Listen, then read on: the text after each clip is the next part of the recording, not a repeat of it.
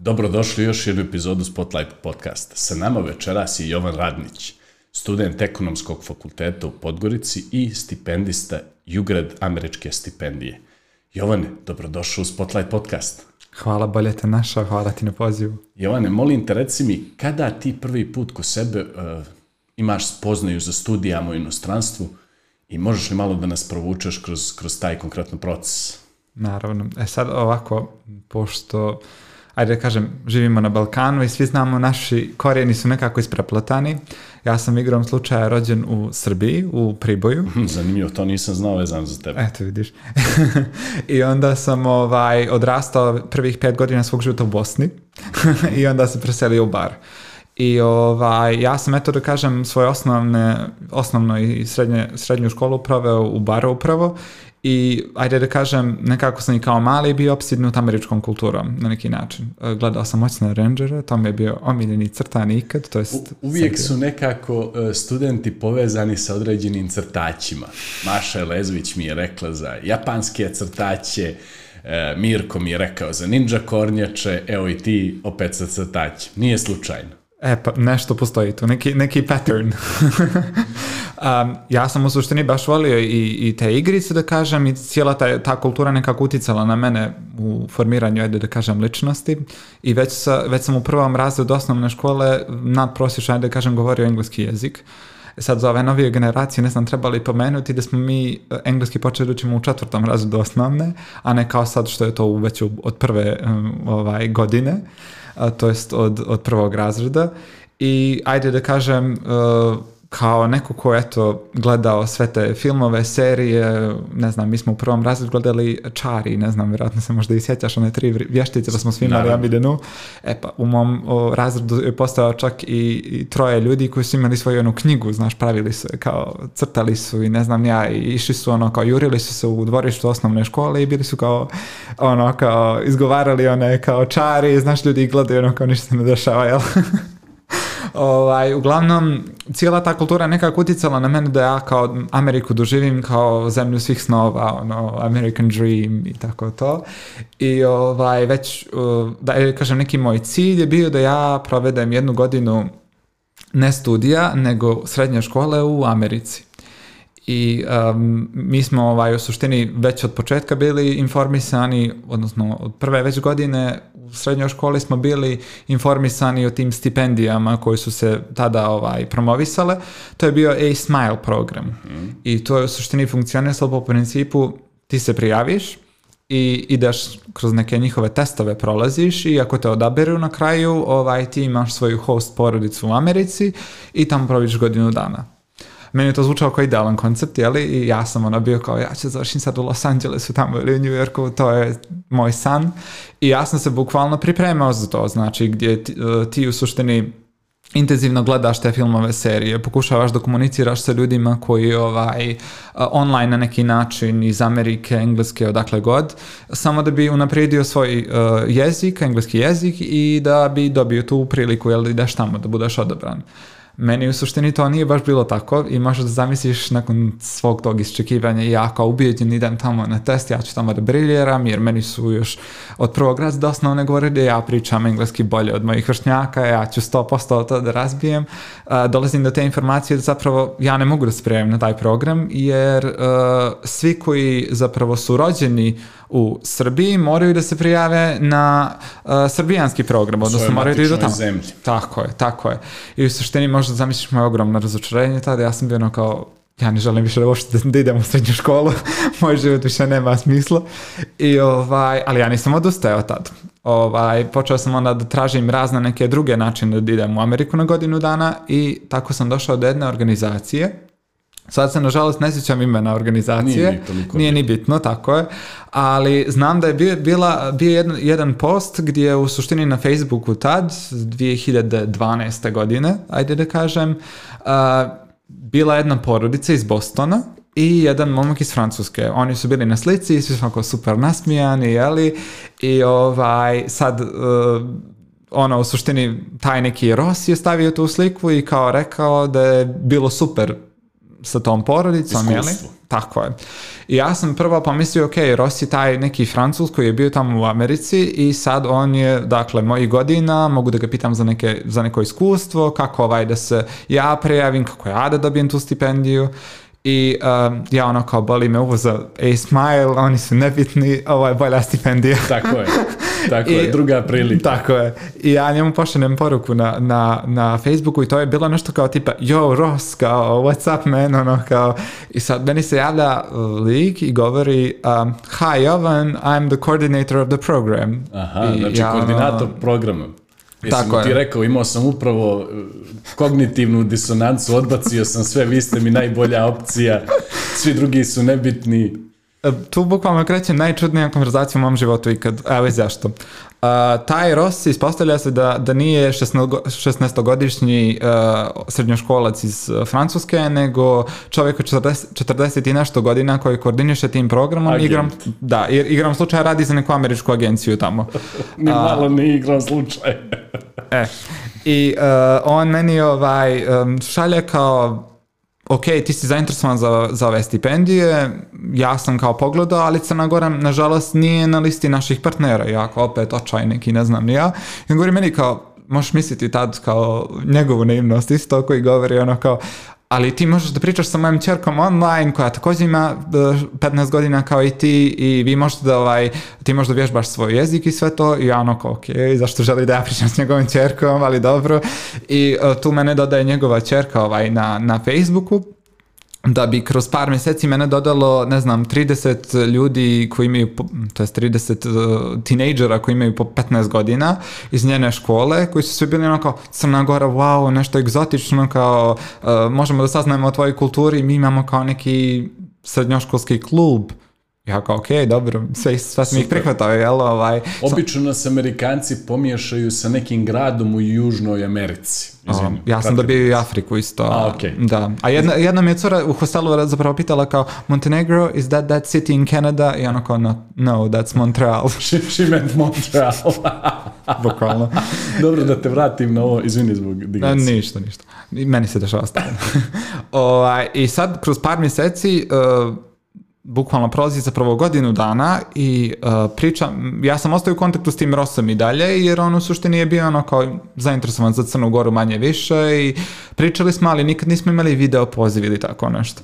I on meni govori kako oni idu u Francusku da posjete Aleksa, koji je bio kod njih na toj stipendiji. Zapravo to je onaj lik na slici.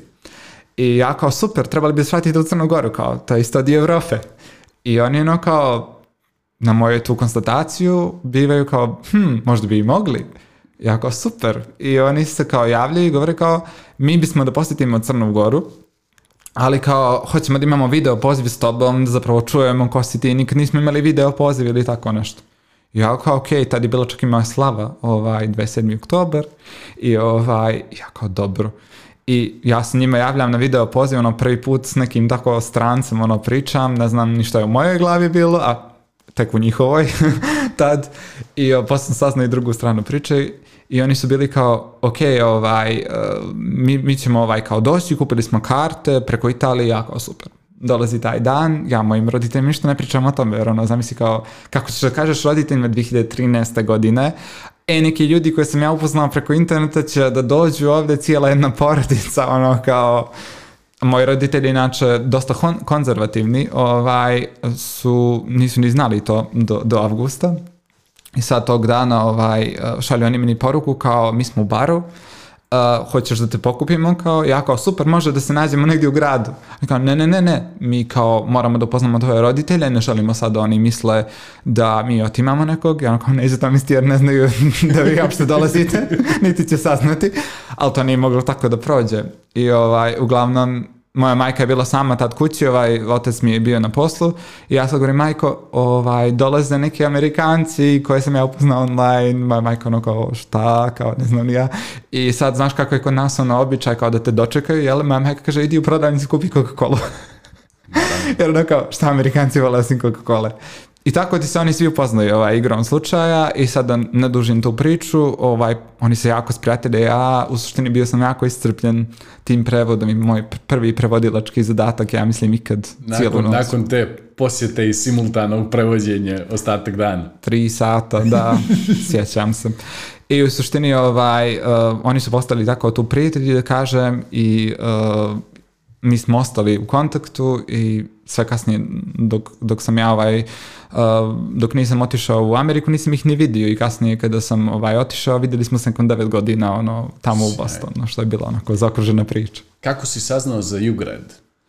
Bio sam u suštini već na prvoj godini um, Ekonomije. studija, ne, elektrotehnike. o, okej. Okay. Nisam taj dio vidio u CV-u. Zašto sam ga izbrisao? To je mrlja. Ovaj, u suštini ja sam pod uticajem, ajde da kažem, okoline bio ona osoba koja ono kao, ja volim programiranje, kao volim programiranje, jel, to jest volim kompjuterske igrice i to i mogao bih da se bavim programiranjem. Put do toga je nekako kroz ETF i zašto ETF jer je kao najteži fakultet jeli, u zemlji. Sad će ljudi možda u komentarima da budu nije nego medicinski ili ne znam ni ja. Da, ovaj, nije nego da, ETF. bitno je da pruzrukujemo komentare, to je ono što e, želimo. E, šta mislite da je najteži? to, to, to. Ovaj, um, I u suštini ja upišem ETF onako, jer kao to je perspektivno tada da budeš inženjer, ono kao masu para, ne znam ni ja.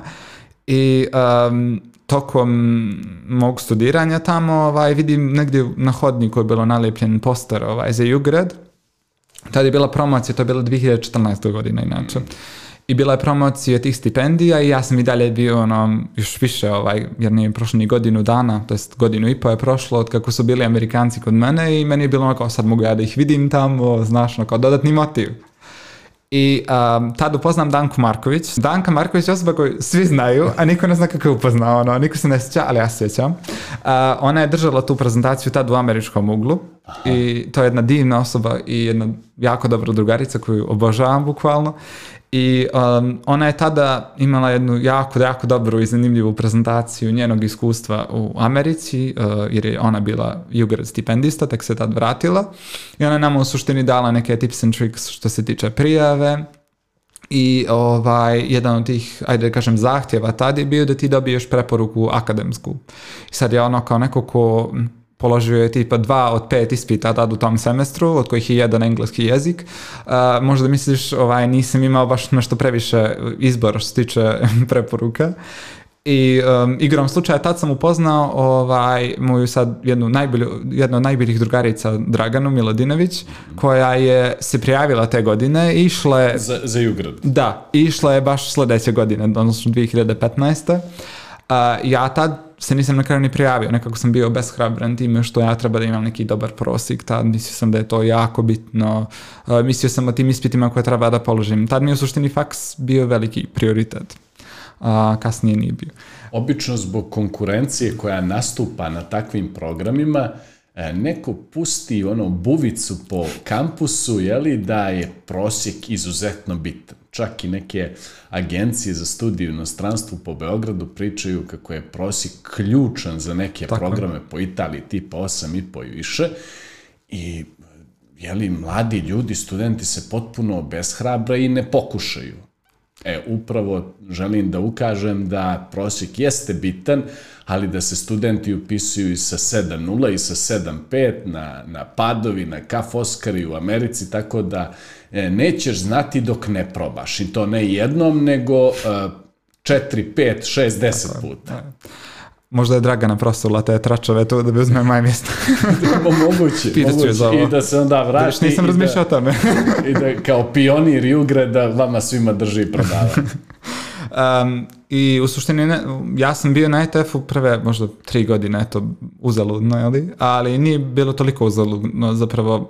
Mislim da sam tad dosta nekako naučio i o sebi i o nekako meni kao osobi, ali isto tako o nekim putevima, da kažem, do uspjeha, ajde da kažem, jer tad je meni bilo ono u glavi, ako ja odustanem, ne mogu da odustanem od faksa i ne smijem da odustanem od faksa, jer to će u suštini meni ovaj, da promeni cijeli život, ja ću biti neko ko je označen kao neuspješan. Stigmatizovan od strane jeli, sredine, od strane Tako ljudi koji u tebe vide e, jeli, budućeg inženjera i i tako dalje i tako dalje. Pa to mislim da u suštini ti nekako gradiš ono, znaš, očekivanja kod drugih ljudi i ono, u većini slučajeva kada vidim, ovaj, kad pričam ljudima, sa ljudima mojih godina, ono, razlog zašto rade neke stvari je zbog okoline, ono, ne, ne zato što oni to žele, jel? I uh, ja sam bio takav, evo, kažete, tri godine i bukvalno došao na onaj breaking point gdje sam ja shvatio da stvarno ETF nije za mene, ono, mislim, ja stvarno cijenim ljude koji su inženjeri i sve to, ali ja to ne bih mogao. Dobro, fair enough. Da, tako je. Ja sam znao već, već od početka da se meni sviđa marketing i zbog toga sam u suštini nakon te tri godine ovaj, upisao ekonomski fakultet, management, studije management ovdje u Podgorici, jer to mi je bila, neka opcija, onaj da kažem, najviše je vezano uz marketing, uh, nije toliko teško da kažem, ajde, i praktično je. To je ono što sam ja htio, neku praksu, nešto što je jeli, hands on, a istovremeno da mi daje dovoljno nekog slobodnog vremena da ja mogu da se bavim poslovima koje sam radio, jer sam radio online i htio sam neko vrijeme za to, jel? I htio sam isto i neko vrijeme za volontiranje, dosta sam se bavio time kroz uh, moje studije na ETF-u. Tako da kažem, taj dio sa ETF-a mi je onako drag uvijek, jer ok, taj akademski dio je bio užasan, ali sam istakao neke super prijatelje i imao priliku da volontiram dosta i da radim neke stvari koje vjerojatno ne bih radio da nisam upisao ETF. Vidi da ti kažem, po tome e, nisi jedinstven, ja reći ću ti da ja makar poznajem jednog čovjeka koji je izuzetno uspješan profesor, koji je isto studirao ETF, napustio, iz nisam siguran kojeg već razloga, ne mogu da tvrdim da je iz istog kao i ti, prešao na ekonomiju, završio ekonomiju, čak je li predavao informacione sisteme na ekonomskom mm, fakultetu eto. i u tome je bio pionir. Umeđu vremenu bio ovaj, dekan ekonomskog fakulteta, potpredsjednik vlade, tako da e, taj put nije toliko e, nečest. E, dešava se spoznaja i ono što ti je ljubav možeš e, jeli, da studiraš i na nekom drugom fakultetu, e, i da tu negdje nađeš neko svoje mjesto, tako da, eto, htio Eto, vidiš, ta priča se ne dijele dovoljno, ja mislim. Mislim da u suštini stvorila se neka ta slika, pogotovo kad krenu ovako i izbori i ne znam nija što, uvijek se poteže ta priča kao kakav sam ja bio student tamo na fakultetu, ono, u smislu, pa se ljudi ističu, pa ono, kao ja sam bio 10-0, 10-0. I nekako se onda stvara ta slika kod, kod mladih ljudi, ono, kao ako ja nisam 10-0 ili 9-0 ili ne znam ni ja, da ja ne mogu ništa da radim u životu, ono, kao ja ne mogu da sanjam neke sad snove, da ću ja da budem e, ne znam, na nekim upravljačkim pozicijama, na, ne znam, predsjednik države, nebitno što god ovaj, da je tako veliko i čini se nedostižno.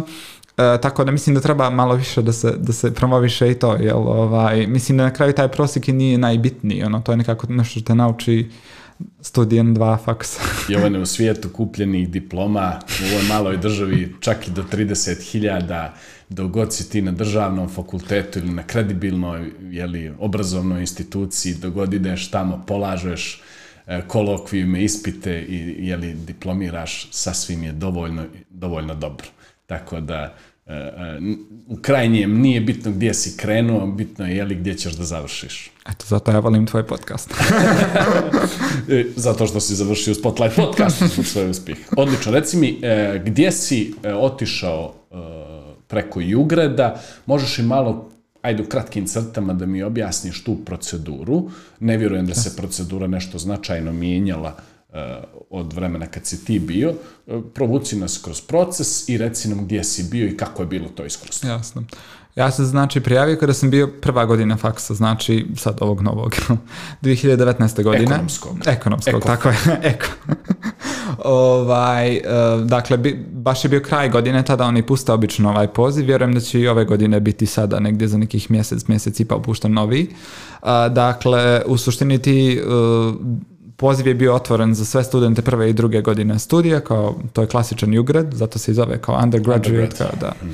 Osnovne A, studije. Tako je, osnovne studije, samo prva i druga godina mogu da se prijave, to je bitno naglasiti, ne treća, dakle, završna. Uh, I u suštini meni je uh, taj proces prijeve bio poprilično straightforward, jeli ti u suštini imaš tamo uh, nekoliko pitanja na koje treba da odgovoriš, od kojih su uh, neka esejskog tipa, dakle oni mijenjaju ta esejska pitanja, ali u suštini dosta njih je vezana za liderstvo, za neke, da kažem, inicijative na kojima si radio. Uh, I a, druga stvar, zašto bi bio idealan kandidat za to? Dakle, treba u suštini da izraziš sve ono što si radio, nekako to kvantifikuješ, a da opet bude u nekih, da kažem, čini mi se da je bilo 600 karaktera ili tako nešto. Dobro.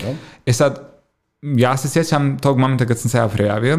Prvo, bio sam kao tad, da li bi ja trebalo da se prijavim sad sa 25, ono, prijavljuju se ljudi koji imaju 19 i 20, ja sad sa 25 treba da idem tamo. I onda me ubijedio ova drugarica, Danka, kao prijavi se obavezno ono, pa šta bude, bude ono, kao na kraju ti da kažeš da nećeš, da ideš jedno. Tako je, i da dobiješ možeš da odustaneš. Jeste. I sjećam se da, da je bila ta um, prijava do 31. Tad je bio rok, ono, dakle do nove godine. I ja 30. uveče, ono, last minute, sklapam tu prijavu i prvo mi je bilo ono kao, ja ne mogu da dođem, jer kao rang e, između, e, između 480 i 600 karaktera je minimum, dakle 480 karaktera za taj esejski odgovor. Ja kao ne mogu ni da dostignem tih 480, kao o čemu ću ja da pričam, onda sam se raspisao tu i vidio da ja stvarno, ono kao bude ti onaj moment refleksije gdje shvatiš, ja sam stvarno volontirao dosta, ja stvarno imam neke stvari koje mogu ovdje da, da stavim ne mogu sebe da sabijem u 480 karaktera. Niti 600 na kraju. Jel? 600 je malo. I onda skraćuje malo to, da, i šaljem to uglavnom onako malo iznerviran više, ono kao, zašto se ja cimam ovoliko ovoga? Tri ono, sata već stojim ispod yes, računara i to, kao, kucam ove eseje. A ono kao, ni kao da sam, ono, ne znam, ja godine potrošio na to kao tražeći stipendije i to.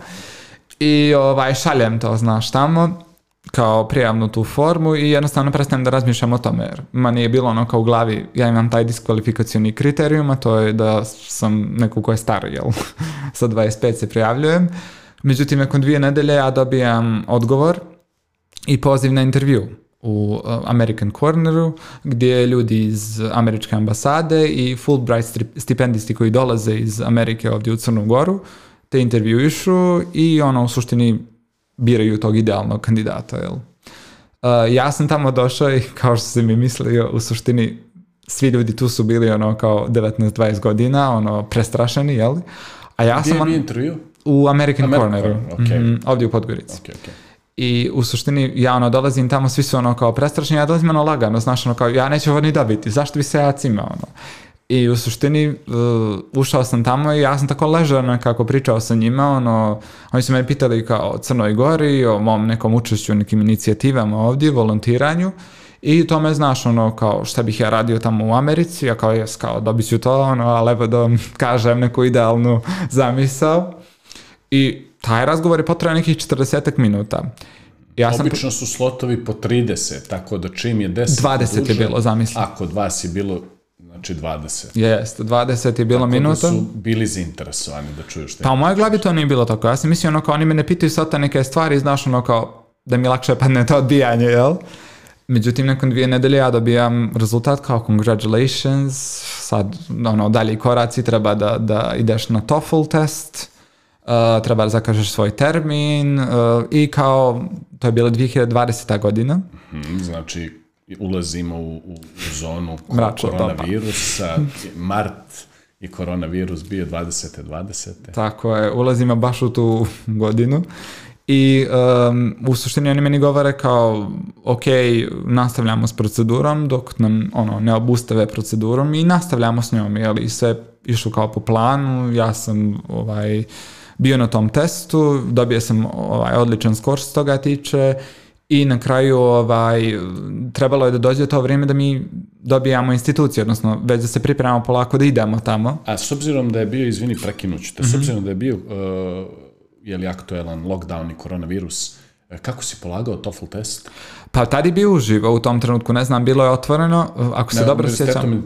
Jeste, bilo je u maju tad, čini mi se. I uh, moram da kažem, da se za ovo uopšte nisam pripremao, što je jako loše i to prije svega moram da kažem ljudima da onima koji znaju engleski jezik da potrebno je da se pripremiš jer nije sama suština taj, to po tvoje poznavanje engleskog, možeš da ga znaš ono odlično, ali ta cijela forma testa je jako zahtjevna. Uh, ja se sjećam samo tog dijela gdje ono kao zbunjeno ulazimo svi unutra i meni je bilo jako čudno zašto ljudi odmah sjede i kreću da rade ono kao da, test. Sukcesivno se ulazi na po dva, tri minuta kreću da rade kako ne bi prepisivali jedni od drugih. Eto vidiš to u mojoj glavi je bilo jako čudno da. i onda dolaziš do, do, do, onog listening dijela i speaking dijela da. gdje ti treba da se koncentrišeš sa onim slušalicama Tako tu. da. Ti radiš listening a kolega pored tebe radi, radi prvu vježbu speaking. speaking užasno, znači mrzio sam to. To je jedan od jeli, downside-a polaganju testing centru, jedan od mana polaganju testing centru, a jedno od jeli, vrlina polaganja od kuće, ali ima i polaganje kuće svojih mana. Jedan feedback za njih je onaj noise cancelling slušalice, znaš. e, sad nisam siguran da li na, na jeli, testing centrima trenutno da li imaju no, e, noise cancelling slušalice, ali... To bi baš trebalo da imaju. I u suštini ta, ta faza je Predlog prošla. Za njih Da, bukvalno, to mora i da imaju. Prošla je ta faza uspješno ovaj, i tad smo bukvalno trebali da se pripremamo za, za polazak u Ameriku da bismo mi u suštini dobili vijesti da je otkazan polazak za tu godinu i da imamo dvije opcije u suštini ili da čekamo da sve to bude omogućeno ponovo sledeće godine ili da u suštini odustanemo i mi smo bili ja i uh, Martina koja je bila drugi stipendista smo odlučili da ono idemo s tim ok treća godina je tad faksa, ali ajde, zašto da ne? I um, nismo dobili mail, uh, u suštini ambasada se trudila stvarno da komunicira sa nama uh, što je češće i uh, ova, pokušali su da nas obaveštavaju o samom procesu, mada da. ni oni nisu znali jer situacija je svuda da, bila da, neizvjesna. Da, živjeli smo u moru neznanje u, u tom nekom periodu, tako da da to što su oni pokušavali da vas makar informišu o, o naj, najnovijim dešavanjima, to je zaista e, lijepo sa njihove strane. Dobro, e, e ajde da polako privodimo ovaj prvi dio kraju. E, duguješ mi malo o iskustvu studiranja u Americi, to ćemo u drugom dijelu, a onda ćemo da pričamo o tvojoj, jeli, tvojom majoru i tvojoj pasi, a to je marketing, pogotovo marketing društvenih mreža, nešto što je ultra aktuelno ovih dana. Naravučeni iz ove priče do sada bi bilo da se ipak e, esejska pitanja ne rade noć prije deadline-a, jeli? Je. Molim vas za sve one koji to ovaj, žele da urade, da urade makar desetak dana ranije i da daju nekome da odradi proofreading, editing, da se uradi to lektorisanje i što se tiče intervjua da budu maksimalno moguće jeli, opušteni, jel tako? Tako je, u suštini samo bih dodao tu za esejska pitanja, ja sam imao, dakle jeste da sam ih radio u zadnji sekund, ali sam imao tri osobe koje su prošle kroz to, jedna od njih je bila Danka, druga je bila Dragana koja je takođe išla na program i treća je bila moja prijateljica Sijera koja je bila Fulbright stipendijskinja ovdje iz uh, Amerike, uh, koja je bila tu dakle dvije godine prije, tako da smo se mi znali i ona je bila neko ko je imao major u toj literature dijelu i pomogla mi je što se tiče ovaj, samog feedbacka i nekih stvari koje su onako baš detalji, ali značajni detalji, tako da neko stvarno treba da prođe kroz to. O svemu tome i mnogo više nakon kratke pauze. Reklame. Evo nas, nakon kratke pauze sa nama Jovan Radnić, e, gdje smo stali, iskustvo u Americi, polazak, kako je bilo, gdje si završio, koji univerzitet? Daj nam malo tih pojedinosti. Sad ću malo opet backtrack, znaš, da bih ti dao i tu, tu priču. mene sve neka, ja, moj drugi iz Norveška kaže da, imam, da sam ona osoba koja priča ovaj, priču i onda ima masu onih backstorija, znaš, i onda ono kao dok ja važno, to ispratim. To nam je važno upravo da bismo shvatili negdje, jeli, e, da bismo imali cjelovitu sliku Jasno. A, u suštini, e, dakle, dobio sam tu stipendiju, ali nisam znao gdje idem. to je bio moment. Jer Jugrad, e, to bih naglasio, ovaj, jeste stipendija koja funkcioniše po principu da se vi prijavite, vi odradite TOEFL test i onda vam oni traže partnera tamo, to jest univerzitet koji, na kom ćete vi biti smješteni. Dakle, vi možete da završite od e, LA-a do New Yorka i bilo gde između u suštini. E pa to između gde sam ja završio. Um, u suštini e, nekako u iščekivanju tih rezultata, to je možda nekako najizbudljiviji dio, gdje ti ono treba da saznaš gdje si, imaš neke možda ovaj, ajde da kažem neka nagađanja. I ja se sjećam, e, tad sam radio za jednog Amerikanca ovdje u Podgorici, bavi se također marketingom, i bili smo kod njega na, na ručku I noć prije toga e, ljudi iz Bangladeša i onih zemalja koje su un, uh, ovaj, unaprež se tiče vremenskih zona su već dobijali e, dan prije ovaj, rezultate. Ja sam znao da ćemo mi da dobijemo naše rezultate dan poslije njih, jel? I uh, sjećam se samo tog momenta gdje ja pričam svim svojim prijateljima kao ja, sto, ja imam ljudi neki osjećaj da će to da bude Kalifornija kao iz nekog razloga, ne znam zašto, ali kao Samo mi je ovaj sekund zanimljiv, e, da li je to bilo preko Facebook grupe gdje ste vi pratili ostale e, aplikante? Obično je Facebook grupa e, taj glavni izvor informacija. Pa mi smo imali Whatsapp, vidiš. Aha. Da, to je bilo onako, vjerojatno sad ono Facebook je možda i prevaziđen malo i onda ljudi koriste. Da, to je to. Ja sam bio ono, nemoj da zaboraviš 0-0 godište sa mnom, ono, ide. Tako da, ovaj, malo je drugačije. I u suštini, uh, ono, mi kod njega na ručku, ja ono, ljudi, si ga ovaj mail, ili Kalifornija, ili Kalifornija. I ovaj, čitam ja mail i kao University of South Dakota. Oni me blijedo gledaju i kao, ok, ja ono kao, dičem pogled s telefona, ono kao, recite nešto, šta se dešava, ili kao to loše, ili dobro. Oni kao, ne znamo, jer mi kao nismo bili tamo nikad. Ja stava ako gledam, ono kao, oni ono kao, znam, znamo da postoji tamo onaj nacionalni park i da ima tamo Mount Rushmore, ali to je što znamo o Južnoj Dakoti. I čujena četiri lika, čujena četiri, čujena četiri predsjednika. Američka predsjednika u, mom, u tom trenutku nekako moje ono uzbuđenje inicijalno polako fata panika, jel? Kao oni reaguju tako, nisu bili tamo, gdje ja idem. Znaš. Kako ću tek ja da znam koliko. Kako ću tek ja da znam. I u suštini on top of that, jeli što bi se reklo, uh, ovaj, oni traže kao things to do in South Dakota kao da meni pomognu. Dobro. jedna stvar je tamo posjetiti Corn Palace Museum. Aha. Ja kao, ako je to jedna od aktivnosti... ima da učim po čitav dan. Ima da učim po čitav dan, jel? I onda googla malo univerzitet, vidim da je u Grdiću, čija je populacija 10.000 ljudi. Mm -hmm.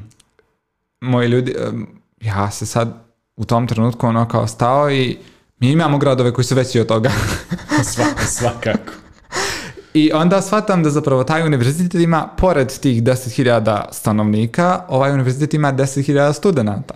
To je, to je bitno, studentski grad. To je bitno da razjasnimo i našim gledocima, mada mislim da mali broj njih to već ne zna. Uh, u Americi imamo kampus, studentski grad, koji je u Tako 99% slučaja odvojen od uh, e, urbanog gradskog jezgra, zgra, grada u kome se nalazi, jel tako? Tako da su studentski grad i grad odvojeni. Tako je. Dok u Evropi u 99% slučajeva Jeste. je studentski grad dio većeg urbanog gradskog jezgra i nalazi se najčešće u samom centru grada. To je ono što e, je li nekad neki studenti ne shvataju. Upravo tako. U suštini meni je ovaj, to se uzbuđenje nekako i vratilo kada sam to vidio. Uh, e, manje više nisam pročitao inicijalno da je to dakle studentski grad i da je to kampus koji je ogroman Uh, I uh, moram da kažem da vi kada ste na Jugredu i sličnim stipendijama dobijate ogromnu, ogromnu podršku, dakle sa strane univerziteta tamo koji treba da vas hostuje, uh, sa strane ljudi koji e, su ovaj, koordinatori programa i opet sa strane ambasade. Što se tiče američke ambasade, oni su pružili ogromnu podršku odmah u startu već, gdje meni je bukvalno bilo rečeno koja polja treba da popunim kada se ovaj viza, prija, e, kada se prijavljam za vizu i slično. A, mi smo tad bili isto i u nekoj specifičnoj situaciji da smo ovaj, morali da idemo, da letimo preko Austrije, tad je Austrija zatvarala svoj prostor, pa, si, pa ti je trebala neka posebna dozvola, a sve su na kraju oni riješili, bili su izuzetni u tome. Tako da- Hvala da, im na toj agilnosti i želji da se pomogne našim studentima. Definitivno, mislim, e, stvarno kažem to od srca, ovaj, njihova podrška je meni bila jako značajna tokom samog tog procesa, a onda tamo kad smo ovaj, konačno i, i došli, jeli, taj susret s američkom kulturom je baš bio unikatan, jer, e, ok, znamo da je Amerika melting pot, ali baš, ja mislim, u tom Midwestu, tamo gdje je Južna Dakota, dobijate pravi, pravi uh, izgled te neke američke kulture, jeli, u smislu Uh, sve neke tradicije se tamo ispoštuju. 4th of July je tamo jedan spe, spektakl. Uh, sve neke takve proslave ovaj, doživite neki drugi način. Uh, već od samog starta nekako ono što je bilo simpatično jeste da uh, ja sam mislio da idem u grad u kom nema, ono, nema Balkanaca, jel? Jer kao 10.000 ljudi, mislim, znaš i sam, ono, Juž, Južna Dakota. Uh, A, stižem na aerodrom u Sioux Fallsu u, u Južnoj Dakoti sa dvoje stonaca koji su sa mnom i koji su poprično atletski građani, tako da kapiram da su tu zbog neke atletske školarine, jel? koji su dobili ta stipendije. I uh, meni je bilo rečeno da će neko da nas sačeka od studenta koji će donosi da nosi majicu univerziteta. Mm, taj lik tamo koji nas sačekao, ja sam bio ono kao, evo moje stvari, ja sam došao, kao vozima. on ono kao, ko si ti? I ja ti si moj vozač, kao mi idemo do, do univerziteta i on kao, vjerojatno su poslali nekog drugog, kao jer ja sam tu došao po uh, ove studente koji su tu, jer su oni ovaj track and field team uh, tamo. Da, da, na, njihov... na full ride stipendiji atletskoj. Tako je. Uh, I on kao, odakle si ti, ja kao iz Crne Gore, on kao, ja sam iz Francuske, oni su iz Estonije, mi imamo lika iz Crne Gore ovdje već ja kao molim, i oni kao da, da, on se zove Nikola, on je najviš, najvisočiji lik ovdje kod nas, e, svi ga znaju, igra, igra košarku, igra košarku, naravno, jel? I igrom slučaja sam tamo upoznao jednog od stvarno najbližih prijatelja sad, Nikolu Žižića, koji ovaj, trenutno je u Španiji, e, ali on je tad stvarno tokom tih e, pet mjeseci bio izuzetan prijatelj i ovaj, nisam mogao da vjerujem da ću s nekim odavde tamo toliko dobro da se povežem. Jesi li imao priliku da znamo da su koleđ utakmice izuzetno popularne, si imao priliku da gledaš Nikolu e, dok je igrao?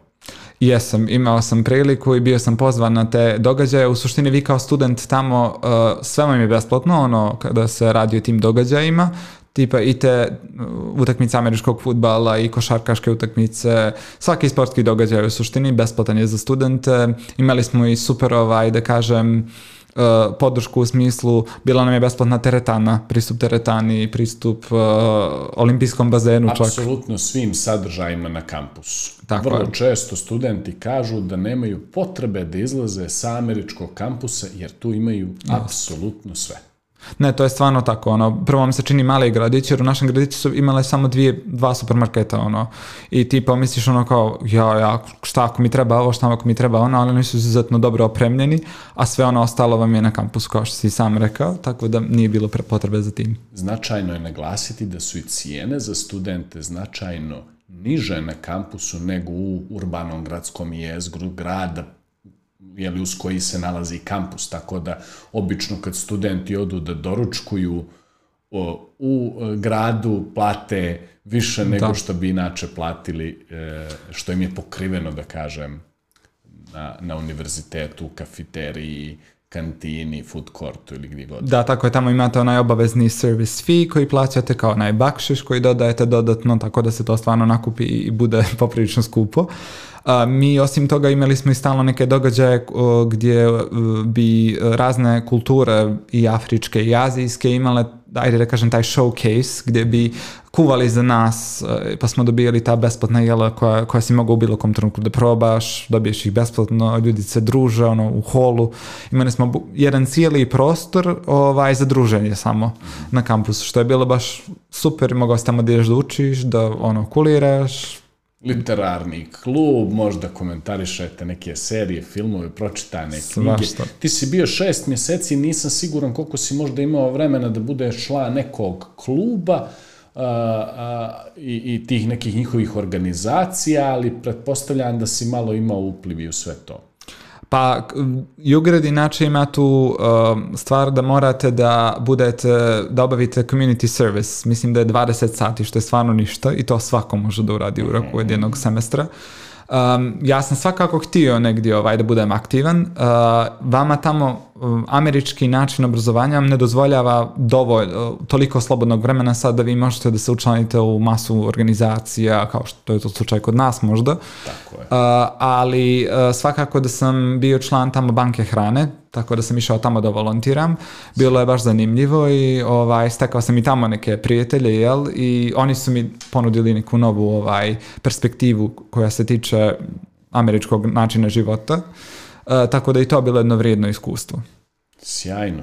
Dobro, e, nakon takvog jednog iskustva ti se vraćaš u Crnu Goru, jel imao si blagi kulturološki šok odlaska i onda, jel što kažu, lako se čovjek na dobro navikne i onda nakon toga povratak u Crnu Goru opet, jeli neka adaptacija na, na, na neki naš sistem funkcionisanja, Reci mi kako je to prošlo? Pa mislim da ima tu neke, uh, mislim da su to spominjali neki raniji tvoji gosti, uh mhm. -huh. da imaš taj moment gdje ono kao odeš tamo i kao ti ideš zbog tog iskustva, jeli? ali to iskustvo čine ljudi, ti se uvijek vežeš za ljude. Uh, ja sam tamo imao fenomenalne, mislim imam i dalje fenomenalne prijatelje koji su tamo I u suštini, nakon što se vratio, mislim da mi je teže pao taj reverse culture shock. Ovaj, Zato je pitan. Da, ono, u suštini, ti dođeš ovdje i ono kao uh, sa svojim prijateljima si, ali nemaš one, način života ti je totalno drugačiji. Uh, meni ovdje primarno, ajde da kažem, uh, primarna stvar u mom životu ovdje je posao. Dakle, fakultet je nešto, ja idem na fakultet, izlazim na ispite, trudim se, budem i redovan i sve, ali nekako posao je ta primarna stvar ovdje. Tamo moja primarna stvar je bila studiranje, Tako. dakle ogromna razlika i pored tog studiranja ti imaš onaj dio gdje radiš stalno domaće, stalno si aktivan, stalno misliš o fakultetu manje više, sve ti je vezano za kampus, sve ti je vezano za taj fakultetski život, ovdje se vraćam, toga nema i uh, e, ok, ja vidim svoje prijatelje koji, koji ono, nisam ih vidio mjesecima, jeli, svi su super srećni što me vide, ja naravno srećan sam što vidim njih, a opet onda imaš onu dozu neke nostalgije koja i dalje nije nastala možda kod mene, a to je ono, za svim tim ljudima tamo, za svim nekim iskustvima koje ti ne možeš ovdje da imaš. I toga si svjestan i to je ono, nešto što je teže. Tako da taj moment privikavanja je stvarno težak, ali mislim da pomogne da se uključiš i da imaš ljude oko sebe koji su već prošli kroz to iskustvo i nekako pričaš o tome i malo ti to bude, ajde da kažem, neka utjeha u svemu tome. Jel? E, ja sam shvatio negdje iz e, nekog kratke komunikacije sa tobom pred ovaj podcast iz tvog CV-a da marketing igra jednu jako važnu ulogu i on je neka spona e, jeli, ljubavi prema računaru, i svem onome što je prethodilo ekonomskom fakultetu. I meni je sad zanimljivo jer ja, pamteći marketing iz vremena kad sam ja studirao mm -hmm. u mhm. toj e, obrazovnoj instituciji, marketing je bio, e, ajde da kažem, dosta ono što danas nije. Mm -hmm. Jer ajde da kažemo da e, se umeđu vremenu marketing prebacio na neke online platforme mm -hmm. koje su izuzetno važne za, za biznis danas i ti si neko ko može iz prve ruke da nam kaže kakva je to bila tranzicija u smislu e, šta je to digitalni marketing, e, po kojim postulatima on funkcioniše i ovaj koje alate koristi. Možemo onako malo da krenemo generalno, pa ću ja upadati sa nekim ovaj, e, e, e, dodatnim pitanjima. Naravno, možeš ako želiš da kažeš i za koga trenutno radiš i koju vrstu posla, naprosto nećemo ispostaviti fakturu e, poslodavci. Samo cenzurisat ćemo tamo u postprodukciji. Ovaj, meni se sviđa inače što kod tebe nema ono unapred pitanja, pa da si se, ti sad nešto pripremaš, znaš ono unapred, nego dođeš tu i ono, puno ti hvala testiramo te. puno ti hvala što si to rekao, pripreme Super nema. To. Ovaj, mi se onako Druže. casual čujemo prije toga, ja ti otprilike kažem šta će biti u prvom dijelu, objasnim ti zbog čega imamo dva dijela, to je tehnički jedan moment, nećemo još našim gledalcima otkrivati, ovaj, i u principu to je to. Ok, marketing. Pa po meni u suštini marketing u svoje biti, ajde da kažem, uvijek je bio, ajde da kažem, uh, koristit ću onu učbeničku definiciju, a to je profitabilno ispunjenje potreba.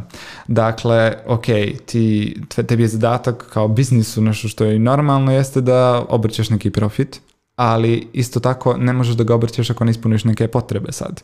A, dakle, um, ono što, što, što je marketing tradicionalno bio, ostaje u toj nekoj, ajde kažem, srži. Ono što se promijenilo, ono što se promijenilo uh, definitivno a, jeste način i pristup tim platformama. Dakle, nekada si morao da budeš Sony, a, ne znam, a, Apple ili neka... IBM. IBM ili neka ogromna firma, ne znam, Beko, na primjer, koji sponzoriše ono Barcelonu tu, ovaj, kao moraš e, da budeš ogromna kompanija da bi imao pristup uopšte nekom, Tako. nekoj vrsti oglašavanja prisutnosti prije svega. Uh, da li bi mogli da uopšte razmišljamo o podcastu u ovoj formi 10 godina unazad gdje nas okružuju tri kamere, mi pričamo i naprosto iz ovoga stoji samo jedan čovjek. Da, zamisli to, ovaj, koliko se to promijenilo. Ovaj, tako da, u suštini, šta je to dalo o, ljudima mogućnost e, da, prije svega, tehnologija je divna stvar, ali omogućavati da, da toliko neke procese i stvari automatizuješ, tako da ti kao jedna osoba upravo možeš da radiš sve ovo. Dakle, ono, nekom prije 20 godina treba je cijeli tim ljudi, tako da ti radiš nešto za 10 ljudi. Ma da, mislim, i kompjuter da koji ima prosječan telefon danas, Uh, prije deseta god, prije 20 godina i vremena e, World Wide Weba, eh, je li samo IBM imao te super računare. Danas prosječan telefon jači od IBM-ovog super računara prije 20 godina. Upravo tako, tehnologija se baš brzo razvija, ali ono što ostaje iza te tehnologije jeste taj čovjek koji tu tehnologiju koristi. Za sad. A, za sad, ali mislim da sve te neke stvari moraju da ostanu, jer um, u suštini ti si taj koji neko, ok, imaš tehnologiju koja može da koristi bilo kakve um, algoritme, mašinsko AI, učenje, AI, da. nebitno, ali u suštini ti ostaješ ona, ona osoba koja razumije drugu osobu, imaš tu empatiju da kažem i to je nešto što je danas jako bitno u digitalnom marketingu, e. imati empatiju. Uh, mislim, vidio sam razne i reklame i razne vidove druge ovaj oglašavanja gdje u suštini ti uh, vidiš da ljudi jednostavno žele da naprave neki profit, ali imaju na, ono profitabilno iz one definicije učbeničke, uzimaju, ali totalno zapostavljaju onaj dio ispunjenja potreba. Um, ti danas, da bi bio uspješan u digitalnom marketingu, moraš prije svega da ugrbiš nečiju pažnju. Uh, naš raspon pažnje se toliko promijenio. Sekundi sekundi pa evo, znaš bolje od mene tu. Dakle, ti u suštini dok scrolluješ, ajde kažem sekundi i po i to je baš ono velikodušno si dao tome, ovaj, da, da ti pogledaš nešto i da vidiš da li ti se to sviđa ili ne, isti našto daš scrollovanje sad ono, ili e, ono, kod nas je bitno sad kroz story kad scrolluješ ili kroz reelove, ideš gore dolje, lijevo, desno, nebitno, ne gledaš previše taj sadržaj. Druga stvar, kada uspiješ u toj, ajde da kažem, jako teškoj misiji, bukvalno postoje sad ljudi koji se specijalizuju baš za to da ugrabe pažnju drugih za ljudi. Huk, za udicu.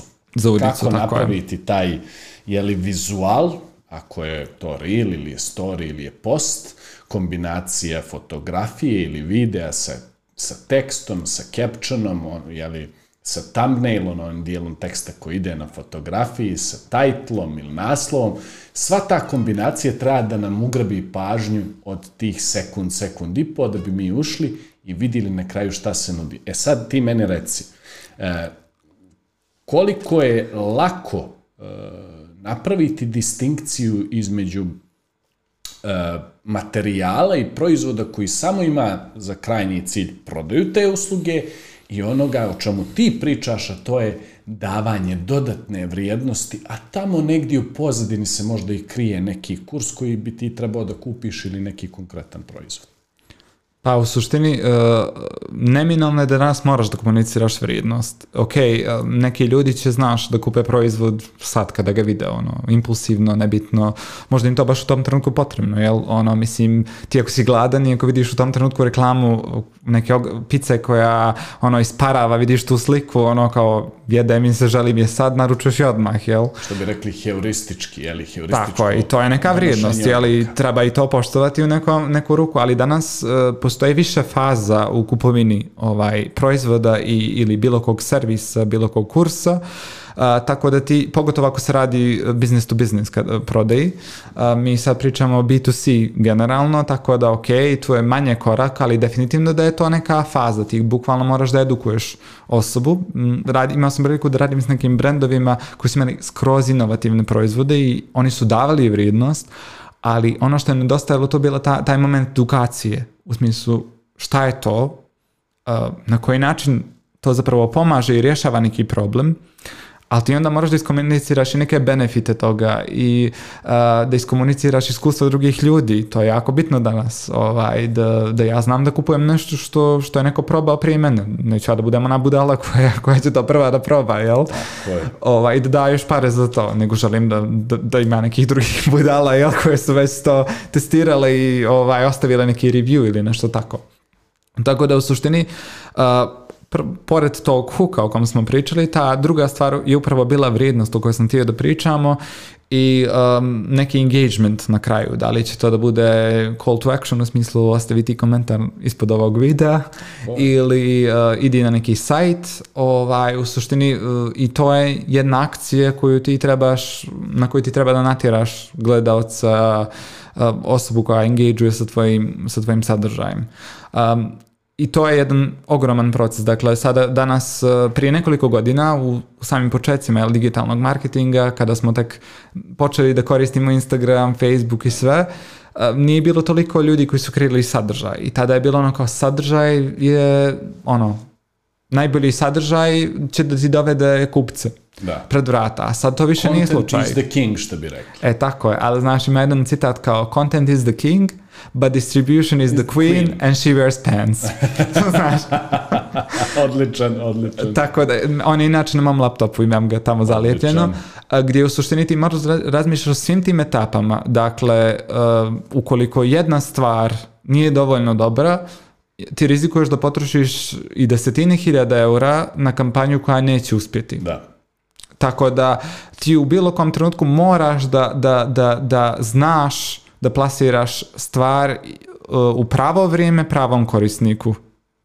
Što se tiče e, besplatnog sadržaja koje je li vrlo često neke kompanije i pojedinci plasiraju, e, često dobijam pitanje koja je to dobra mjera u kome ćeš ti plasirati besplatan sadržaj koji je ujedno možda i dio proizvoda koji ti želiš da plasiraš kroz neki kurs ili kohort što bi bilo, ajde da kažem, 4 do 6 nedelja e, e, e, jeli, da, gdje ti odlaziš dva puta nedeljno na neka online predavanje i dio si, dio si, dio si tog nekog proizvoda.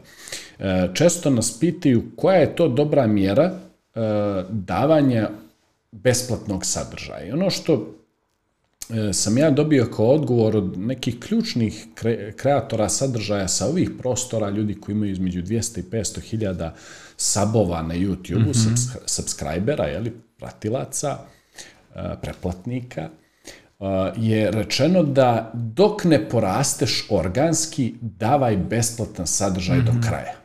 U momentu kad porasteš organski, što je neki threshold od recimo nekih 50.000, 70.000 do 100.000 subscribera na YouTube-u, u tom momentu ćeš već ti razviti neki proizvod o kome možda sad u ovom trenutku kad razvijaš kanal nemaš možda tu toliku viziju koji ćeš uspjeti da prodaš. E sad volio bi da, da mi ti daš neki tvoj input vezano za tu strategiju.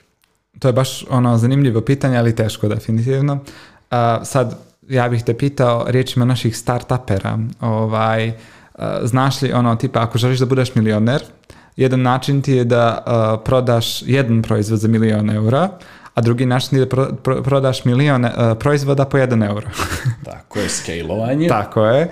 I sad, u suštini, uh, ono što, što dosta igra ulogu tu jeste koja je tvoja niša. Dakle, neko ko se bavi, ne znam, real estateom, na primjer, će da ima jako puno uh, posla unaprijed da, uh, dakle, besplatnog sadržaja u kom smislu, moraće da uh, radi dobru fotografiju, možda dobar video sad, možda Q&A neki, branding destinacije, razne druge stvari koje ide uz to da bi prodao neku kuću, vilu i to, ali on zna da je njemu zarada od svega toga pokriće sve to i to više puta. Čak možda i od jedne nekretnine. Tako je, od jedne nekretnine, da.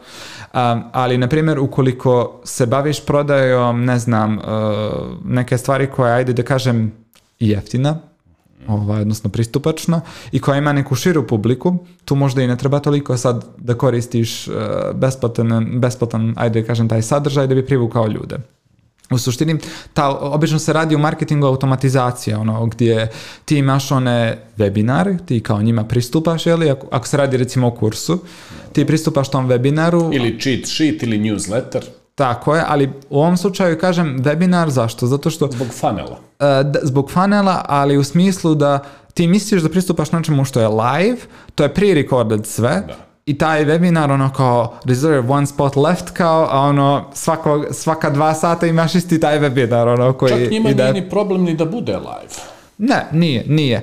Ali u suštini uh, hoću da kažem da ta automatizacija pomaže dosta ljudima da generišu lidove ovaj, pod lidom zamiš, uh, kažem, neko ko je ono, zainteresovan za tvoj proizvod ili uslugu u bilo kojoj mjeri u tom trenutku. Dakle, on će da se subscribe uje da dobije, da pogleda taj live webinar ili on demand, nebitno, i onda će u suštini da prođe kroz neke faze gdje mu ti šareš mailove stalno, možda pozive čak, poruke, nebitno, koristiš neki kanal komunikacije drugi, da mu dodaš da mu daš dodatnu vrijednost u suštini.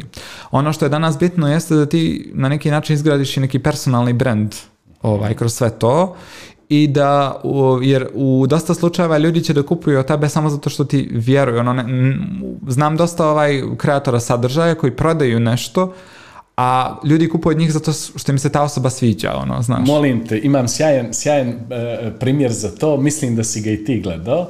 U pitanju su dva već gurua YouTubinga, YouTubera, jeli? E, Peter McKinnon i yeah. Da. Ali Abdal. Da. I Ali Abdal kaže, E, nisam ni jednom upotrebio e, zoom ranac za objektive i za tijela Pitera Mekine, platio sam ga 600 dolara, eno ga kupi prašinu tamo, nikad ga iskoristio nisam, ali naprosto osjećao sam potrebu zbog svega onoga što je Peter McKinnon, čovjek koji ima 5,8 miliona e, sabova na YouTube-u, zbog svog tog besplatnog sadržaja koji on meni dao i stvari koje sam od njega nauči, ja sam osjećao potrebu da od njega kupim proizvod koji naprosto ne koristim. Upravo tako, dakle, ono, u suštini ti ne moraš ništa tu ni, ni da pitaš nekoga da kupi od tebe, oni će da pitaju tad kao kako ja mogu tebi da pomognem. Ti si meni pomogao ovoliko, dao si mi toliko vrijednost, daj da ja tebi neki način pomognem, jel? I to je nešto što je sad, ajde da kažem, esencijalno sada, kako kreirati neku vrijednost a opet e, problem malih kreatora sadržaja je taj da na neki način moraju da, da imaju neki profit da li ovaj, kroz to što da sad da rade, obstali. da, da bi opstali u suštini i to je neki, neka problematika koja se javlja tu tako da treba naći neku mjeru e, Ovdje ću te prekinuti, nastavljamo nakon male pauze e, moramo završiti ovu jako zanimljivu priču e, i malo uvijesti i druge društvene mreže i je li neku njihovu kontribuciju svemu tome. Jasno, jasno. Evo nas po drugi put nakon kratke pauze. E, pričali smo o digitalnom marketingu, sada ćemo malo e, o društvenim mrežama na koje na neki način su mjesta gdje se sve to dešava. E, pomenuo sam Peter McKinnona, čuvenog fotografa koji je jako popularan youtuber – I danas sam odgledao neki njegov video uh, gdje je naslov bio um, Instagram je mrtav. Mm -hmm. Preporučujem svima koji ovo gledaju da odgledaju, da investiraju tih 14 minuta. Uh, priča o jako važnim stvarima i promjenama koji su već tu. Uh, o algoritmu Instagrama koji uh, pokazuje neke devijacije, o tome kako je on nekad nedeljno dobio po jeli, 2 do 3 hiljade uh, jeli, followera na Instagramu, a o tome kako danas gubi već unazad od juna, od kad se desila ta poslednja promjena algoritma, počeo je da gubi followere i naprosto doživio je da je Instagram nešto što zbog čega je prije 10 godina krenuo da ga koristi, da dijeli fotografije sa svojim, eh, eh, sa svojim jeli, communityjem, e, naprosto to više od sadržaja koji mu je plasiran e, ne može da izađe na, na, na vidjelo, naprosto dobija više reklama nego sadržaja ljudi koje prati. E sad reci mi tvoj neki e, e, e insight u sve ovo što se dešava trenutno sa Instagramom, e, želja da postane TikTok, investiranje u Reels i sve što ti već znaš o tome i pratiš po meni, znaš kako, rekao bih da je Instagram onaj adolescent koji ima krizu identiteta, znaš, ono, hoće li da bude dobar student ili bad boy, ono. Upravo to, oni pokušavaju da prate trend koji nisu oni napravili, jeli, kad smo e, gledali Gary Vee i sve one njegove video o vinu i ono kad je on prvi put rekao zapamtite uh, riječ TikTok, uh, yes. to će biti ključna riječ uh, narednu deceniju, ovaj, tek sad vidimo šta se dešava. Jeste, imaš onaj moment gdje kada se TikTok pojavio, ljudi su bili ono kao, pogotovo firme, ono kao, to je za djecu tamo koja izvode neke glupave plesne pokrete, ne znam ni ja, do toga da uh, u suštini sve to što si viđao na TikToku, ti isti ljudi su gledali na Instagramu, ali samo tipa dvije, tri nedelje kasnije kada bi ti kreatori ili neke stranice tamo objavili te njihove videe.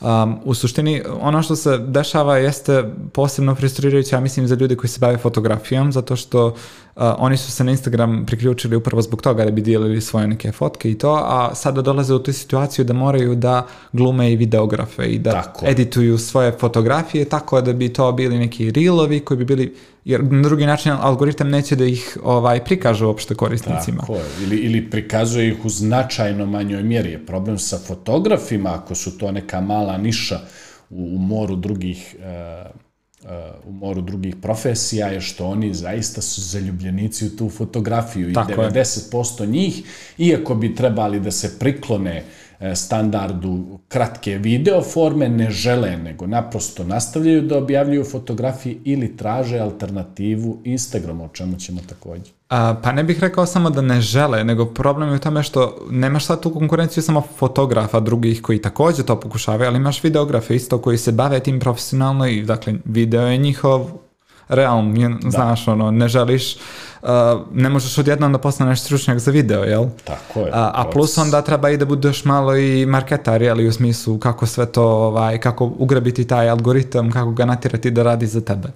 A, TikTok u suštini, eh, ja sam imao da kažem, i dalje imam, ajde da kažem, neke, uh, eh, otpor, ot, neki otpor prema njemu, u smislu konzumacije mog vremena, ali znam dosta o njemu ovako, čitajući razne blog postove na tu temu i rekao bih, ono što mnogi ljudi ne znaju jeste da TikTok ima najsavršeniji algoritam na planeti, dakle ima bolji algoritam od google na primjer, koji ono, smatramo ga svi nekom platformom svih platformi, jeli? Uh, zato što vi kada snimate video ovaj, izbacujete ga na TikTok, njihov algoritam prepoznaje objekte u vašem videu. Uh, dakle, postoji jedan jako interesantan blog post na tu temu gdje u suštini, ukoliko si ti u nekom restoranskom settingu, jeli, i uh, on, te, on prepoznaje da si ti u restoranu, uh, on će korisniku koji odgleda tvoj video jednom, dva put, nebitno, da dijeli taj, da pronalazi uh, također isti taj setting i da mu prikazuje slične kreatore koji su istom tom settingu, jeli. li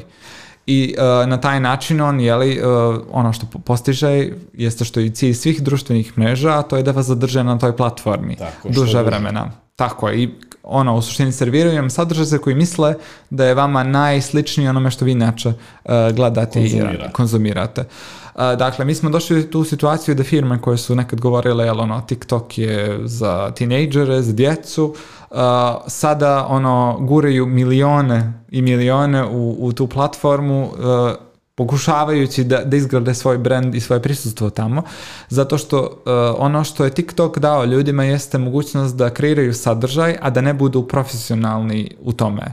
Dakle, TikTok snimci koje gledate i sami znate, nemaju sad neku profesionalnu, ne znam, osvjetljenje, masu nekih, da kažem, ovaj... DSLR aparate, mirrorless aparate, naprosto se sve radi pomoću pametnih telefona.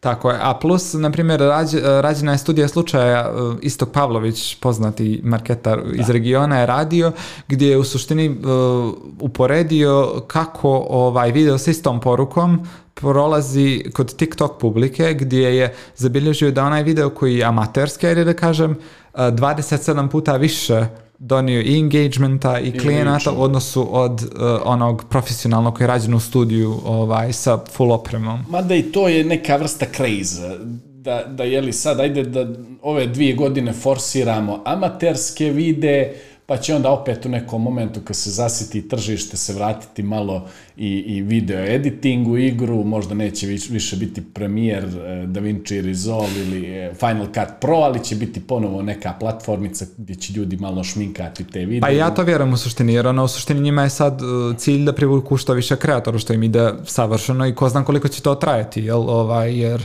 ne možemo sad da očekujemo da će oni da forsiraju da ono ti kao neko ko je nov na TikToku za, ne znam, neko nekoliko mjeseci ima milion pratilaca, što se dešava, ono, ljudi su objavljivali o tome masovno. Uh, jedan moj prijatelj je na Instagramu imao, ne znam, možda desetak hiljada followera, predružio se ovom TikToku i u roku od 2-3 mjeseca imao je 4 mili, preko 4 miliona pregleda na ne, svojim taj videima. Rič je nevjerovatan, mislim, organski, koliko odu ti, ti vide i to je zaista, nadamo se da će to tako i ostati. Dobro, e, sad je idealan moment da ti nama kažeš, jeli, E, gdje ti apliciraš to svoje toliko znanje iz društvenih mreža i marketinga društvenim mrežama i ovaj, jeli, kakve su to e, e, platforme, kakvi su to projekti, kakve su to kampanje na kojima radiš? Ja trenutno kao full time radim uh, kao product marketing manager u, u Logate-u, to je softverska firma ovdje u Crnoj Gori.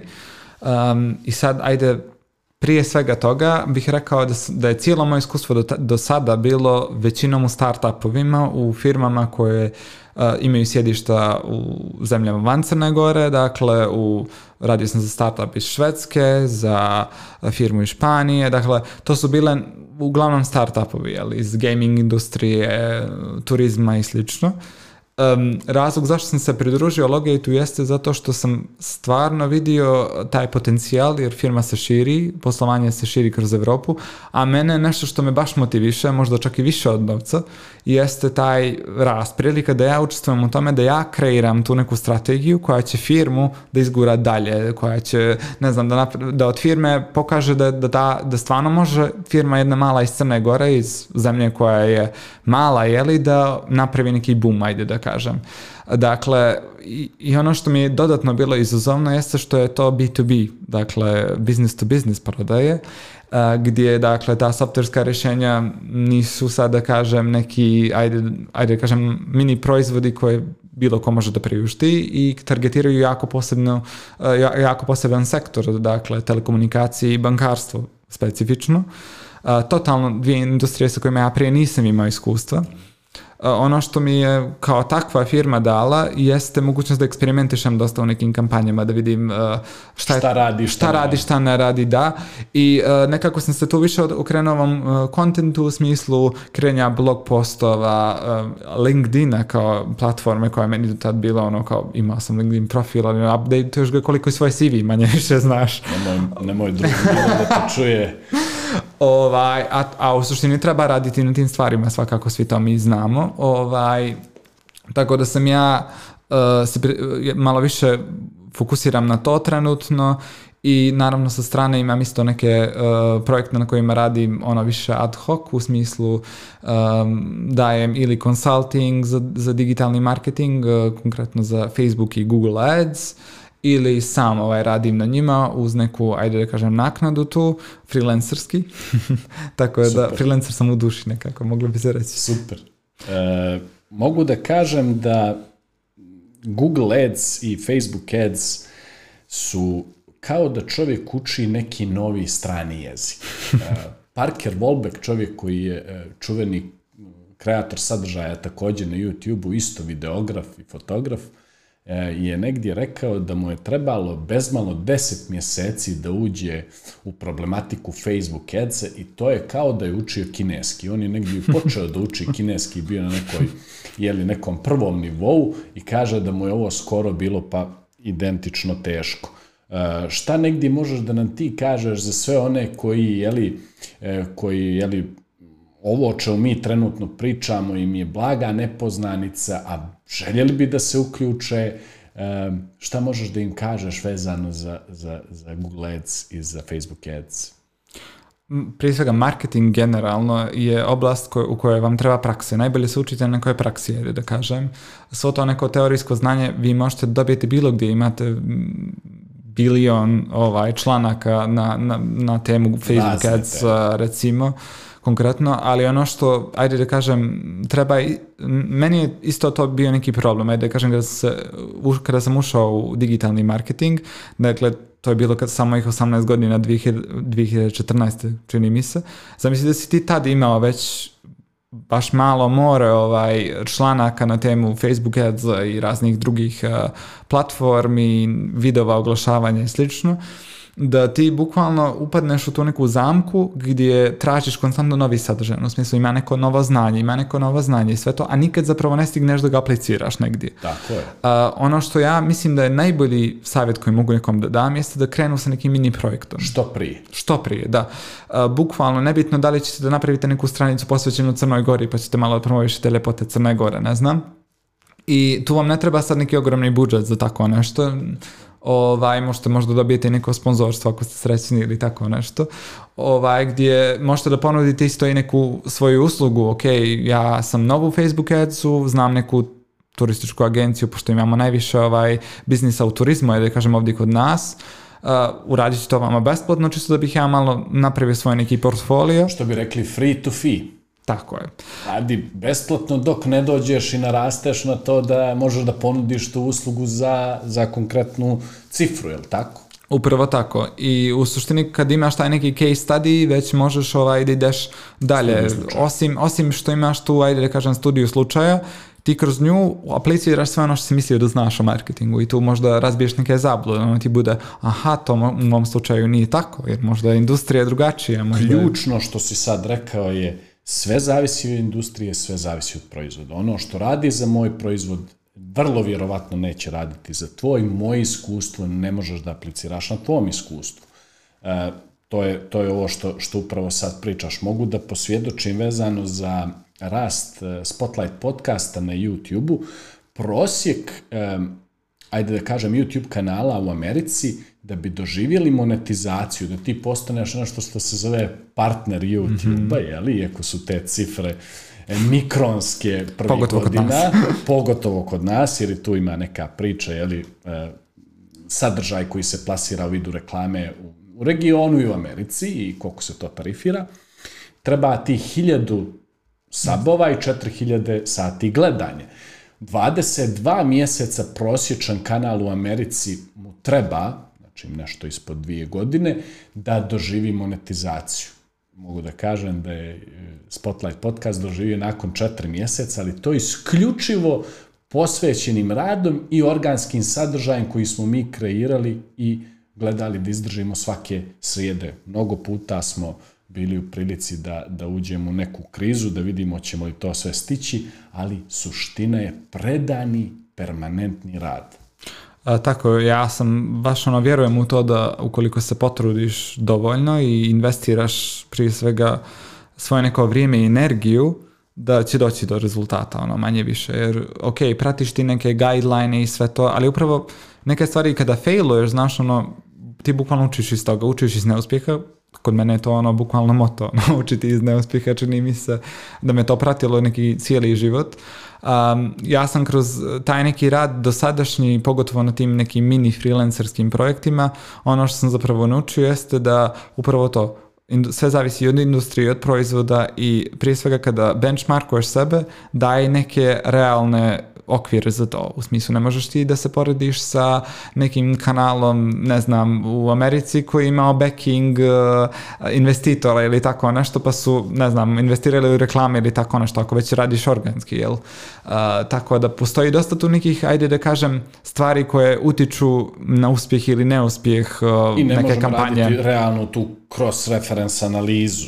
Tako ni je. vremensku, ni, ni prostornu, jer jako je bitno gdje krećeš i kad krećeš. Jeste, ali samo da se vratim na ono ranije, u suštini krenuti s nekim projektom, uh, ovaj je, kao što je Nikolina Pavićević krenula sa kritički, dakle to je bio jedan projekat iz neke pasije, je ono kao uh, iz nekog bunta, zato što zbog tog sadržaja koji se plasira svuda kod nas, a niko o tome ne priča dovoljno. Dakle, hajde da pokrenemo neko, neku platformu koja će bude mjesto Instagram je bio, eto da kažem, tool taj koji je to omogućio, gdje ćemo razgovarati o tome. Ona mi je drugarica takođe koja radi fenomenalan posao u tome i ja mislim da je to neka stvar koja ide, da kažem, uh, utiče na to da Uh, meni samo potvrđuje ono misao da ti treba da kreneš u nešto, da ne treba sad previše da razmišljaš o toj teoriji i svemu tome. Dakle, sve će to naravno nauči osnove, uh, no, uh, sve ostalo su tehnikalije. Dakle, uh, Facebook ads, baš kad si spomenuo, ovaj, ok, uh, ljudi ono misle, E, treba da provalim kako to funkcioniše tamo, ne znam, nija. Mislim, tebi će da treba bukvalno nekoliko sekundi da ti napraviš neku reklamu ako ćeš sad nešto osnovno. Svako može da je napravi i oni su ga zato i napravili tako jednostavnim, jeli, jer donosi im zaradu. Ali neće svako dobiti rezultate upravo zbog toga što uh, postoji tu neke dubine u smislu da ti moraš da budeš, da, da, koristiš neki holistički pristup svemu tome. Dakle, uh, ta reklama nije reklama, uh, nije ona uspjela ili, nije, ili je uspjela samo zbog toga što si ti kliknuo na boost i stavio si tamo, ne znam, uh, hiljadu eura lupama, neko je stavio 10 pa je failovao zbog toga. Ne, ti imaš tu i element koliko je dobar tvoj vizual, koliko ti je dobar video, koristiš video, koliko ti je dobar opis, copywriting isto jako, jako bitan i dalje, iako ljudi sad to pocijenjuju jer su ono kao video je forma video je forma, copywriting je izuzetno i dalje ostao bitan, svi ti elementi, kakav ti je target, kakva ti je publika tu, uh, svi ti elementi zajedno igraju ogromnu ulogu o tome da li će tvoja kampanja dospije da ili ne.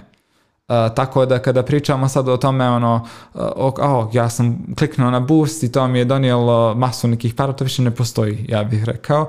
Uh, samim tim što se, pogotovo tokom pandemije, toliko biznisa okrenulo online e, oglašavanju, ta procenat, ja, ja, mislim da je oko 40, za oko 40% porasla cijena oglašavanja u smislu cijena e, pay-per-view e, ili, ili ovaj um, cost per link isto da se uvećao za oko 40% samo zbog količine ljudi koji su se ovaj priključili platformi jer uh, taj njegov algoritam funkcioniše po principu da si ti na nekoj aukciji. Ja i ti se borimo Tako dakle je. za određeni view, ajde da kažem. Uh, targetiramo istu osobu ko ponudi više, ali isto tako kakav nam je kvalitet tog sadržaja. Tako je.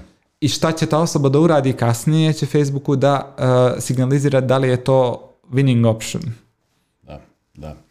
E, da se vratimo negdje s početka moje priče i opaske je li vezano za marketing iz vremena kad sam ja bio student osnovnih studija i vremena kad si sada ti student.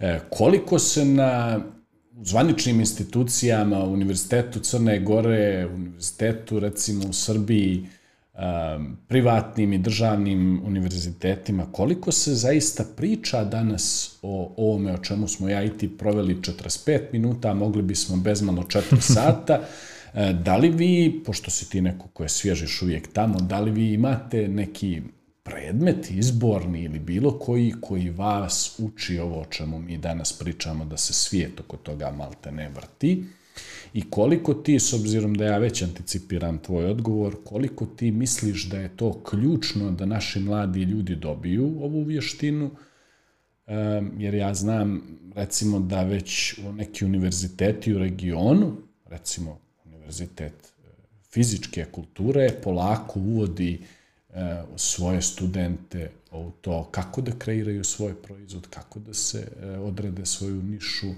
kako da to E, e, jeli, e, spakuju jedan vizuelni proizvod i ponude na tržište i time se izdiferenciraju. Reci mi tvoje iskustvo sa naših obrazovnih institucija. Kad sam bio na elektrotehnici, možda stvar koja me najviše frustrirala je bila ta što nemamo toliko praktičnog ovaj, prilike za praksu. Dakle, da ti programiraš nešto. Kada sam onda došao na ekonomiju, shvatio sam da ima donekle, ali da je ona ograničena. Ono što bih rekao jeste da, fakultet, da fakulteti, odnosno institucije, nikada neće biti u koraku sa svim tim što se dešava danas. Prije svega, da biste vi promijenili neki obrazovni program, vi morate da krećete ili da to bude i odobreno od strane nekih tijela i slično. Postoji ogromna ovaj, birokratija iza svega toga. ali jako je bitno vidjeti da su profesori, odnosno asistenti, posvećeni tome. Eh, Bojana Femić Ostojić je bila meni profesorica na osnovama marketinga tada. Bojana je došla i bila saradnik u godini kada sam ja počeo da studiram. Pozdrav za našu prijateljicu. Veliki pozdrav, ona je izuzetna osoba. Drago mi je baš da je ona na čelu Fonda za inovacije, sad ne znam da li si ovaj znao. Da, toku, toku. Ovaj, tako da ona je eh, ljudima prenosila sve one stvari koje sam ja je li htio da vidim na fakultetu. Dakle, ona je pričala o digitalnom marketingu, reklamama, svemu tome, uh, algoritmima, targetiranju, znaš, ono kao ljudi su bili kao zabezeknuti time kako oni dobijaju te reklame, jer nisu, se, nisu do tad slušali o tome ali ono što bih rekao da je poenta, uh, vas fakultet daje vam neki framework kako da rasporedite svoje vrijeme, da učite, daje vam konekcije prije svega. Ono, zašto ljudi idu na Princeton, Harvard, zašto je to i dalje sad toliko elitno i prestižno? Upravo zbog konekcije. Nećeš tamo naći neko bolje obrazovanje nego što ćeš negdje nekom državnom fakultetu koji ima dobre reference, ali fora u tome što ćeš da stekneš te konekcije koje ti daju ulaz u tu neku elitu, jel? Um, I upravo u tome je ona stvar, e, dakle, ti danas treba da, da, da usvojiš taj koncept lifelong learninga, da ideš konstantno, da sebe razvijaš, da ideš na kurseve, da čitaš stalno, da ostaneš u toku sa svim tim stvarima koje se razvijaju, ok, neke stvari će ostati univerzalno iste, jeli, ti principi marketinga se ne razlikuju ni danas toliko, kao što sam spomenuo na, na početku razgovora, ali se mijenjaju te neke tehnike, neke cake koje utiču na uspješnost kampanje, na, ne samo u marketingu, dakle, govorimo o bilo kojoj oblasti, programeri nas stalno moraju da, da ostanu u toku sa novim nekim znanjima, dakle, bitna je ta agilnost, ako institucije ne mogu da imaju, mi moramo da imamo kao pojedinci. Imao sam tu sreću i privilegiju da 2003. godine budem prva generacija uh, ljudi koji su krenuli kao saradnici. Oni tada nisu bili ni asistenti, mm -hmm. nisu bili magistri. I to je plejada ljudi kao što su Vladimir Vanja Vulić, Nikola Vulić Boban Melović, Mija Tjocović, sada sad dekan. dekan veliki pozdrav za Veliki za svu ekipu. E, Tamaru i tako dalje, tako dalje, da nekoga ne zaboravim, izvinjavam se naprijed koga sam zaboravio. Sjećam se da je Vanja u jednom momentu rekao, pričamo 2003. možda četvrtoj na drugoj godini, nije bitno, na predavanju menadžmenta vježbama rekao je zapamtite neće proći 10 godina, a vi ćete morati da mijenjate profesiju, odnosno vaše znanje koje generišete sad će da, do, će da doživi zastarenje i mhm. morat ćete da se prilagođavate. Ja sam ga pogledao i rekao da se prilagođavam. Kako da se prilagođavam? Čoveče Boži, majka mi je završila ekonomiju, čita život je u, u, u, u sektoru branši.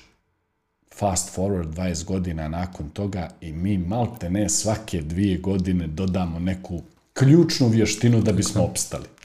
Upravo to, a ono što se dešava isto i što je interesantno možda spomenuti na ekonomskom fakultetu sada, uh, oformili su se brojni centri tipa za međunarodnu saradnju, za volontiranje i slično, uh, koji pomažu studentima upravo u tim stvarima, da nađu neke projekte i neke stvari koje će im pomoći da dopune ono neko formalno svoje znanje. Uh, ekonomski fakultet je usvojio i dio je programa za dualno obrazovanje, Eh, gdje će i firma u kojoj ja radim, Logate, dakle dati određeni broj mjesta, a ti studenti koji budu učestvovali tu će umjesto završnih ispita zapravo odraditi kao neku praksu u Logate-u i dobiti, ajde da kažem, neke, neka praktična znanja i naravno kasnije povratne informacije od strane uh, ljudi u našoj firmi, profesori će zajedno s njima da formiraju tu konačnu ocinu, jel? što je jako inovativan koncept i rekao bih, ok, um, znamo da ne možemo sad toliko brzo da promijenimo sistem obrazovanja, taj neki kurikulum tu predmeta, ali ono što možemo da uradimo jeste da damo priliku studentima da uh, makar u svom slobodnom vremenu, jel, uh, iskoriste to vrijeme da uh, imaju neku praksu, da imaju neki projekat, nešto što ih uh, svo to znanje teorijsko mogu da iskoriste negdje u praksi. Dakle, uh, upravo to što se radi sad sa, sa dualnim obrazovanjem, ok, dio svog studiranja će biti posvećen tome, jel? A, ali uh, treba raditi na, na, na još takvih inicijativa, dakle, da vas bukvalno fakultet spremi malo bolje za to tržište rada pošto ja znam da ljudi koje sam već pomenuo prate ovaj podcast, e, nemam sumnju da će oni da, će oni da odreaguju na ove tvoje apele. E, ulazimo u skoro uh, sat i 30 minuta. Dokumentražni film. Uh, mislim da bi ovo moglo da ide on and on, uh, ali nažalost uh, za večeras ćemo da završimo, a ja se nadam da ćeš, da ćeš ti uskoro ponovo da nam dođeš u goste i malo da nam proširiš i produbiš priču o svim onim aktuelnostima na, na digitalnoj sceni e, svijeta i regiona. E, hvala ti puno za ovo gostovanje, Jovane, i kao što rekoh, nadam se da ću te ponovo ugostiti u nekoj bliskoj budućnosti. Tamo nekoj osmoj sezoni kad budeš ono imao pola miliona subscribera. krasno. sad, sad si mi već postavio i sad ljestvicu. Neka, neka nastavi da raste ovim tempom, ja ću biti zadovoljan dogod naše poruke odu do naših mladih slušalaca. Hvala ti još jednom e, na ovom gostovanju. Hvala tebi puno na pozivu i veliki pozdrav sve koji ovo gledaju i nadam se da ću ja vas da gledam ovdje.